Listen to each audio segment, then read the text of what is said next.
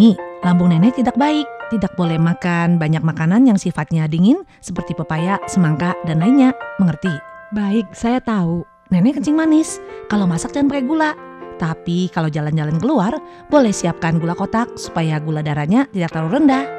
Oh iya, ingat ya, setiap selesai makan harus ukur gula darah nenek pakai alat ini. Nyonya, saya saya tidak mengerti. Aduh, susah ngomong sama Ani. Pakai Mandarin terlalu susah, dia tidak paham. Gimana sih biar Ani ngerti maksud saya? Kan ada 1955. Saat majikan atau TKA mengalami kesulitan berkomunikasi, mintalah bantuan 1955 yang dapat dihubungi dengan telepon genggam rumah atau umum. Saluran gratis 24 jam ini menyediakan pelayanan dalam dua bahasa. Ada saluran 1955, sungguh baik. Iklan ini dipersembahkan Biro Pelatihan Kerja dan Kejuruan Dewan Tenaga Kerja. Wati, minggu kemarin kamu kok nggak kelihatan ya? Iya, saya kan pulang di Indonesia. Kemarin lusa baru balik lagi. Oh ya, enak banget. Wah, cepat sekali bisa kembali lagi ke Taiwan. Ini sih harus berterima kasih pada majikan saya yang membantu saya melalui direct hiring kembali bekerja di Taiwan. Hah? Direct hiring? Apa itu ya? Kira-kira prosesnya sulit nggak sih? Tidaklah, kata majikan, sangat mudah. Lagi pula, tidak perlu lewat agensi. Jadi juga bisa hemat uang PT Indonesia. Saya jadi bisa menabung lebih banyak, bisa hidup lebih enak. Selain itu, saya kan sudah bekerja lama di tempat majikan ini. Sudah saling mengerti kebiasaan masing-masing. Melalui direct hiring, membuat kami dapat bekerja di tempat yang sama tanpa perlu lagi beradaptasi di tempat kerja yang baru. Majikan juga tidak usah repot-repot ngajarin lagi. Semuanya jadi senang. Wah, asik sekali. Kebetulan saja kontrak saya hampir selesai. Saya harus cepat-cepat memberitahukan kabar ini kepada majikan untuk ke kantor Direct Hiring Service Center untuk mengurus kedatangan kembali ke Taiwan. Andalah pendukung Taiwan bersama kita ke depan. Badan Pengembangan Tenaga Kerja, Kementerian Tenaga Kerja bersama Anda melangkah maju bersama. Iklan layanan masyarakat ini dipersembahkan oleh Badan Pengembangan Tenaga Kerja, Kementerian Tenaga Kerja. Salam sehat teman-teman pendengar. Gembira sekali kita kembali berkumpul di acara Dunia Kesehatan. Apa kabar teman-teman semua? Senang sekali ya kembali lagi kita dapat bersama-sama tentu saja di dalam acara Dunia Kesehatan di RTI Radio Taiwan Internasional yang seperti biasanya ditemani dengan kita berdua di sini. Saya Farini Anwar. Dan saya Aditya. Mhm, Semoga saja Anda semua dalam keadaan sehat walafiat Hmm, dan amin. tidak kekurangan suatu apa pun ya. Amin. Dan teman-teman ingat aja ya sekarang ini sudah benar-benar haredang kata orang ya. Kadang Panas. Eh, panas gitu Pol. ya. Meskipun ya itu dia orang bilang nih Iya. kalau seandainya belum yang namanya Dragon Bot itu belum dianggap sebagai panas banget. Oh. Tapi ya kita sudah merasa banget banget ya. Iya banget Eh, banget. meskipun kadang-kadang ada adem-ademnya gitu. Mhm. Siang dan malam biasanya tuh adem tapi siangnya panasnya full katanya. Iya. Kemudian perbedaan suhu antara Hmm. siang dan malam juga gimana gitu ya. Terus iya dan biasanya kalau kayak gini nih kita tuh temen tuh ya makanya es. Waduh mantep. Ah, kan udah gitu makanannya yang gimana gitu ya. Iya, durian. Nah, udah gitu ya minum sih memang minum banyak tapi minumnya Iya. tuh banyaknya minum yang apa Gula. namanya boba tea, Mhm. kemudian juga minum soda dan lain Iya. sebagainya. Mhm. Tanpa ya kadang-kadang ya kalau matanya minum jus juga agak males gitu. Abangnya Mhm. maunya makan yang manis-manis, yang es-es seger Nah, itu enak. Iya, Hmm. tapi orang bilang ya, Iya. makan es itu bukan berarti bisa menyegarkan dalam tubuh kita. Menyegarkan mungkin perasaan kita, tapi dalam tubuh kita belum tentu. Oh iya. Karena karena gejala yang eh bukan gejala maksudnya karena suhu yang kontras yang dibawakan es ke dalam tubuh kita Mhm. membuat tubuh kita buru-buru mengeluarkan panas untuk bisa menetralkan. Oh iya. Nah akhirnya ya itu dia tidak baik. Makanya Mhm. eh, kalau ini Farini ingat banget kalau lagi olahraga dulu kan eh, tim Farini termasuk ini ya apa namanya anggota olahraga basket. Mhm. Kemudian ada pelatihnya yang mengatakan ya ini kalau seandainya habis olahraga lagi di mana jantung lagi panas-panasnya, Iya. paru-paru semua tubuh kita lagi panas, jangan sekali-kali minum air dingin, Oh iya, apalagi benar. air es, Mhm. karena itu terlalu kontras katanya umpamakan saja deh balon. Balon yang lagi pas mengembang, Mhm. Anda tiba-tiba tuangin air es. Oh, iya. Jadi akhirnya betak, Oh iya. bisa meledak atau enggak, ya, ya Hmm, gitulah Kayak itu mangkok lah berbahaya. kurang lebih kayak gitu ya. Mhm. membahayakan. Jadi ya ya itu dia meskipun panas banget tetapi Anda harus bisa menjaga menetralkan diri, Mhm. jangan sampai langsung tiba-tiba minum air panas. Betul. Ya, tapi hari ini kita sebenarnya bukan ngomongin soal yang panas-panas ya. Tapi itu penting juga sih ya. Ah, ah, untuk menghindari ya itu dia nanti kapan-kapan kita juga bisa mem- membahas lagi mengenai bagaimana sih supaya menghindari yang namanya kena eh, apa Heat stroke. heat stroke ya betul. Mhm. Tapi sekarang hari ini kita yang akan membahas mengenai hal yang sering Farini kena. Ya, apa Hmm. ini? Kena apa Kena maksudnya? penyakit ini. Oh, ya, apa Nah, ini? Bilang penyakitnya nggak menular, kenapa penyebabnya kadang-kadang susah ditebak. Iya. Kok tiba-tiba bisa Muncul. eh, muncul. Mhm. Eh, Munculnya sih cuma di daerah mulut aja ya, Mhm. yaitu Oke. sari si awan. Oh, kirain Eh. sakit gigi, ah, ternyata bukan, sariawan. Kalau sakit gigi mungkin karena bolong, Oh, iya. karena ya mungkin kalau nggak biasanya kalau nggak nggak kalau nggak bolong Mhm. atau nggak ada penyebabnya nggak mungkin nggak sakit gigi sih. Iya. Nah kalau ini yang itu sariawan. Kadang-kadang biasa-biasa aja tiba-tiba kok bisa eh, lagi ngomong-ngomong gitu. pas makan kok bisa gigit bibir Ah. dalam bagian dalam. Mhm, mhm. Terus udah gitu akhirnya luka, Hmm. luka akhirnya sariawan. Iya. Kenapa bisa gitu ya Kadit ya? Kalau kata orang sih katanya kurang vitamin C. Oh Maka ya? dari itu ngam- eh, apa harus makan jeruk atau Aha. mungkin minum minum vitamin C. vita- vitamin C Mm-mm. gitu. Oh, tapi waktu itu berapa kali Farini berasa kayaknya Farini makan buahnya cukup, tapi Mhm. kenapa kok bisa juga eh, kegigit? Mhm. Dan biasanya kalau nggak kalau gitu kan kenapa biasanya jelas-jelas ini gigi tetap, Iya. mulut tetap. Kenapa Aha. bisa biasanya nggak kegigit tapi sekarang kali ini bisa kegigit? Nah, Hmm. ini dia nih. Eh, Saya juga kenapa? kurang tahu. Nggak karena bagian rongga mulut Iya. kita itu membengkak. Akhirnya Oh. yaitu dia akhirnya lebih mudah kegigit. Oke. Ah, ah, dan juga makanya buru-buru lagi ya. Mhm. Karena ini dia karena membengkak akhirnya yang tadinya musinya pas-pasan eh Mhm. akhirnya dia yang membengkak Oh, mengecet iya. akhirnya kalau tidak hati-hati ya kegigit. Kegigit. Nah, itu juga bermula dari panas dalam bilangnya. Mhm. Di dalamnya panas di luarnya dingin gitu. ya. Eh, sering ngadem AC gitu Iya kan ya. bilang ini ya. sering panas dalam panas dalam kok apa sih panas dalam? Iya, tubuh kita dalam- ngerasa dalam- panas. Dia udah makan minum es bukannya lagi dingin ada dalamnya. Ya tapi Dalam ujungnya panas panas ya? juga sih. Gitu Karena ya? karena kayak makan rambutan, duku, kebanyakan kan bilangnya oh nanti bakal panas loh. Padahal kita udah masukin kulkas loh dukunya. Aduh ampun. Rambutnya kita masukin kulkas loh. Lecinya Iya. juga paling udah masukin kulkas loh. Kok tapi pasti bisa makan panas dalam ya? Ya katanya kan kayak benda-benda seperti ini itu bisa menyebabkan panas dalam tubuh, kemudian ya bisa menyebabkan kayak tiba-tiba bisa sa- jatuh sakit, Mhm. kemudian yang namanya bisa muncul lagi nih sari awan gitu Hmm, kan. Sari awan Iya ya. sari awan.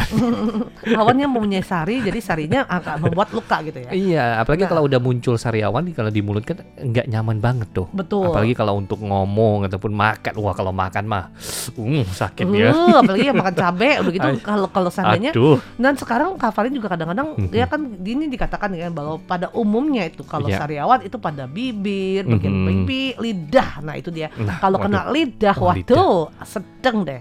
Iya, tapi kalau sariawan selama ini ya saya nggak pernah sih di lidah. Kalau di Hmm? lidah kayaknya lebih sakit lagi loh ya. Sakit banget Farin ini beberapa kali penaknya di lidah. Waduh. Nah, karena tidak hati-hati juga kegigit lidahnya. Mhm, Nah, mhm, jadi waduh. mungkin Farin ini cadel kali ya.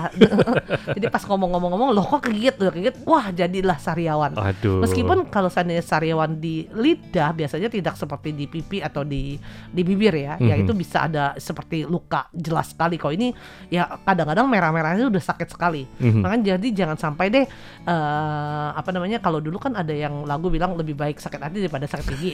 Paling kadang-kadang juga Iya, iya, boleh iya. bilang ja- lebih baik sakit hati daripada sakit sariawan. Oh gitu. Sariawan tuh kadang-kadang gitu kan. Menyebalkan Heeh, gitu ya. apalagi kalau sariawan kembar Mhm. dua kiri kanan dekat dekat begitu menja- menjadi satu waduh sedek jadi lu gede itunya Enggak, ini itu namanya sariwanga eh sariawa, sariwanga, Sariwangi. sariawan. sariawan eh, sang kekasih, Pasutri. Apa Kan mendekat dia, oh, mendekat bergabung. akhirnya menjadi satu gitu Iya. ya. jadi kemudian beranak lagi Iya, ada kisah cintanya Oh, di situ. gitu. Kita udah melenceng ya, udah melenceng jauh teman-teman. Iya deh, kita kali ini lagi membahas ya mengenai ya eh, itu sariawan itu adalah ser- apa apa ya, terjadi pada bibir atau Mhm. bagian pipi atau lidah. Kemudian permukaan dari atau permukaan dari gusi. Jadi bisa jadi di bawah gigi juga bisa ya. Mungkin aja. Nah kemudian Mhm. ukuran luka ini muncul pun beragam. Ada luka ukuran kecil hingga besar. Jadi Iya. tadi Farid bilang eh, tadinya dua kiri kanan, akhirnya Mhm. makin mendekat Bergabung. jadi makin besar. Wah, Mhm. ukurannya cakupannya tuh lebih besar sekali, besar sekali ya. Iya. Nah tapi nih kondisi sariawan itu bisa dialami siapa saja. Jadi nggak kecil, nggak gede, nggak tua, Semua orang gitu ya. laki Mhm. atau perempuan tuh sama aja. Nah tapi ya dikatakan ternyata Iya. pantesan Farini termasuk ya, Teng, teng, Farini termasuk teng. mudanya. Gimana ini? pantesan- Ya karena eh, kondisi ini lebih banyak terjadi pada wanita dan orang dewasa muda. Oke. Fahri ini wanita juga, orang dewasa muda juga Oh, ya. iya, iya, Jadi iya. sariawannya double. Oke, oke. Oke, oh ternyata begitu. Jadi Kadit lebih jarang tas sariawan ya. Eh, untungnya eh, sampai saat ini jarang sekali. Hmm. Belum pernah sih. Mungkin karena banyak makan kali ya. Nah, katanya ternyata nih sebagian besar kasus sariawan terjadi karena kebersihan mulut yang kurang terjaga. Nah, ini sangat penting nih. Kayaknya sering ngemil, jadi makan melulu ya akhirnya ya itu dia ya eh, mulutnya kotor melulu. Kan biasanya kan Mungkin. biasanya kan harus sikat gigi bersih kan. Jaga Iya. kebersihan berarti jangan makan lagi. Kalau makan lagi ya nggak bakal bersih bersih. Betul betul betul. Hmm. Mhm. Kemudian Hmm, kemudian nih luka sariawan juga bisa muncul akibat kerusakan pada selaput lendir di longga mulut. Selain itu juga ada berbagai kondisi yang bisa menjadi pemicu sariawan seperti di bawah ini nih kita bacakan ya satu persatu Iya. ya. Yang pertama yaitu cedera atau kerusakan pada pelapisan rongga mulut yang biasanya terjadi karena bibir tergigit. Aduh, Hmm. mhm. Kemudian makanya teman-teman kalau malu-malu jangan gigit-gigit bibir ya. Nanti gigit bibir nggak hati-hati eh jadi sariawan lagi. Oh, iya, iya. Padahal kita kan gayanya kan tersipu-sipu malu sambil gigit bibir gitu kan. Itu jangan genit deh, ya. jangan genit ya. ya tapi ini kan dia tergigit secara tidak sengaja. iya, Tapi iya, kalau iya, sengaja juga kalau nggak hati-hati mm, Iya, kena iyalah. gitu. Betul, Waduh, betul, biasanya gitu betul. ya. Mhm. Nah, gigi yang terlalu tajam, Mhm. kemudian juga memakai kawat gigi atau mengunyah makanan yang keras. Oke. Jadi kawat gigi sih udah pasti ya karena eh, ada sesuatu yang baru di, mu- di mulut mulut. kita, rongga mulut kita akan uh, bergesek bergesekan. luka. Mhm. Nah kemudian kalau seandainya mengunyah makanan yang keras, ya Mhm. seperti kita be- beberapa belakangan ini kita selalu makan makan ini ya, Ya. makan basreng ya. betul. Nah, basreng itu kalau yang keras kadang-kadang tuh ya lagi permukaan tajam itu Ya. kena kena gores ke bibir lah, ke lidah lah atau mungkin ke apa rongga pipi. Mhm. Nah gores goresan ini, nah luka ini yang bisa menyebabkan sariawan. Betul betul. Kemudian penyebab sariawan itu Mm-mm. juga kalau ya kita itu sering sekali nih mengonsumsi namanya makanan-makanan yang terlalu pedas nih Mhm. ataupun berminyak. Nah, selain itu minuman tertentu itu juga bisa memicu luka sariawan. Misalnya nih ya, minuman yang terlalu panas nih seperti kopi. Kopi panas. Nah, kopi panas nih ya. Nah, ini Eh, juga penyebab udah kopi deh panas sariawan. lagi. Eh, eh, Mhm. mhm. Jadi ya itu dia. Dan kemudian kondisi medis tertentu nih ya, kalau seandainya kenapa bisa sariawan seperti yang tadi Kadit katakan bahwa ya pertama yaitu kekurangan vitamin C. Iya. Tapi ternyata nggak cuma vitamin C, Waduh, tetapi vitamin semuanya, Mhm. vitamin nano-nano. Mhm. Kemudian juga karena kekurangan zat besi loh Kadit. Oh, jadi Eh. harus sering-sering eh, jilat besi. bukan ya, bukan, Jangan bukan. ya, kekurangan zat besi. diisep-isep nggak besinya gitu ya. Emang emang emangnya coklat coki-coki gitu ya. Iya, iya. Eh, atau nih kalau seandainya kekurangan zat besi juga bisa diganti dengan yang namanya vitamin B12 Mhm. serta melemahnya. Nah, ini yang harus diperhatikan juga ya. Sistem imunitas Mhm. dan muncul infeksi. Jadi Oke. lemah imunitas jadi biasanya ya itu dia. Makanya kalau kadang kita kalau lagi lagi apa namanya influenza, Mhm. lagi flu, lagi kanmau, itu tiba-tiba juga kok tiba-tiba kok bibir jadinya kering. Kemudian tiba-tiba kok timbul sariawan. Nah, ini Mhm. juga karena pengaruh dari menurunnya imunitas tubuh kita. Iya, Hmm. kemudian juga kalau yang namanya sariawan itu juga bisa muncul karena adanya efek samping obat gitu. Mhm. Jadi sariawan itu bisa muncul sebagai efek samping dari konsumsi obat-obatan tertentu. Jadi Mhm. terkadang itu bisa muncul karena obat juga. Mhm. Nah, kemudian juga masih ada perubahan hormon ya. Katanya itu kalau pada wanita, sariawan itu sangat rentan menyerang selama periode menstruasi. Hmm. Dan selain itu, sariawan itu juga bisa saja muncul nih ya akibat seseorang itu terlalu merasa tertekan nih, kemudian gelisah ataupun stres. Jadi eh, kesehatan mental itu juga sangat penting ya. Bener ya, kemarin Mhm. itu kita ngebahas soal apa namanya eksim, Mhm. ternyata juga karena stres. Stres juga. Padahal Sekarang sariawan juga karena stres. sariawan, gejala-gejala penyakit-penyakit ringan seperti ini ternyata juga ada unsurnya eh, stres. unsurnya karena Eh, stres gitu Jadi ya. kadang-kadang kalau kita kulit kepala tiba-tiba berketombe gatal-gatal, udah gitu ada Mhm. lingkaran eh, apa, apa putih gitu ya. Iya, Ah, itu juga kadang-kadang bisa tiba nggak tahu kenapa bisa muncul dan kenapa bisa baik itu ini karena stres juga. betul. Jadi teman-teman janganlah berdekatan, jangan berteman dengan stres ya. Jauhin deh stres jauhan sana ya. Dan Iya. tadi akan dikatakan memang karena kebanyakan sariawan itu lebih menyerang pada kaum wanita. Ini juga pengaruhnya dengan hormon. Nah, jadinya pada saat menstruasi mungkin akan lebih rentan terkena ter- terkena bukan hari ini mau ngomong terkena stres, terkena Sariawan. sariawan. Nah, jadi teman-teman kembali lagi jauhilah stres, Iya. jangan istilahnya eh, carilah eh, istilahnya pelampiasannya eh, kalau butuh misalnya relax atau bersantai berwisata eh, nonton juga eh, nonton, Nonton juga denger, dengerin RTI juga Oh itu juga oh, salah benar, satu benar. bagaimana kita agar kita bisa ya. santai ya, Mhm. bisa relax, relax. Oke Mhm. deh. Ya teman-teman demikian untuk acara dunia kesehatan di hari ini bersama saya Farini Dan Anwar. saya Aditya. Dan sekarang kita mohon pamit. Sampai, jumpa. Bye bye.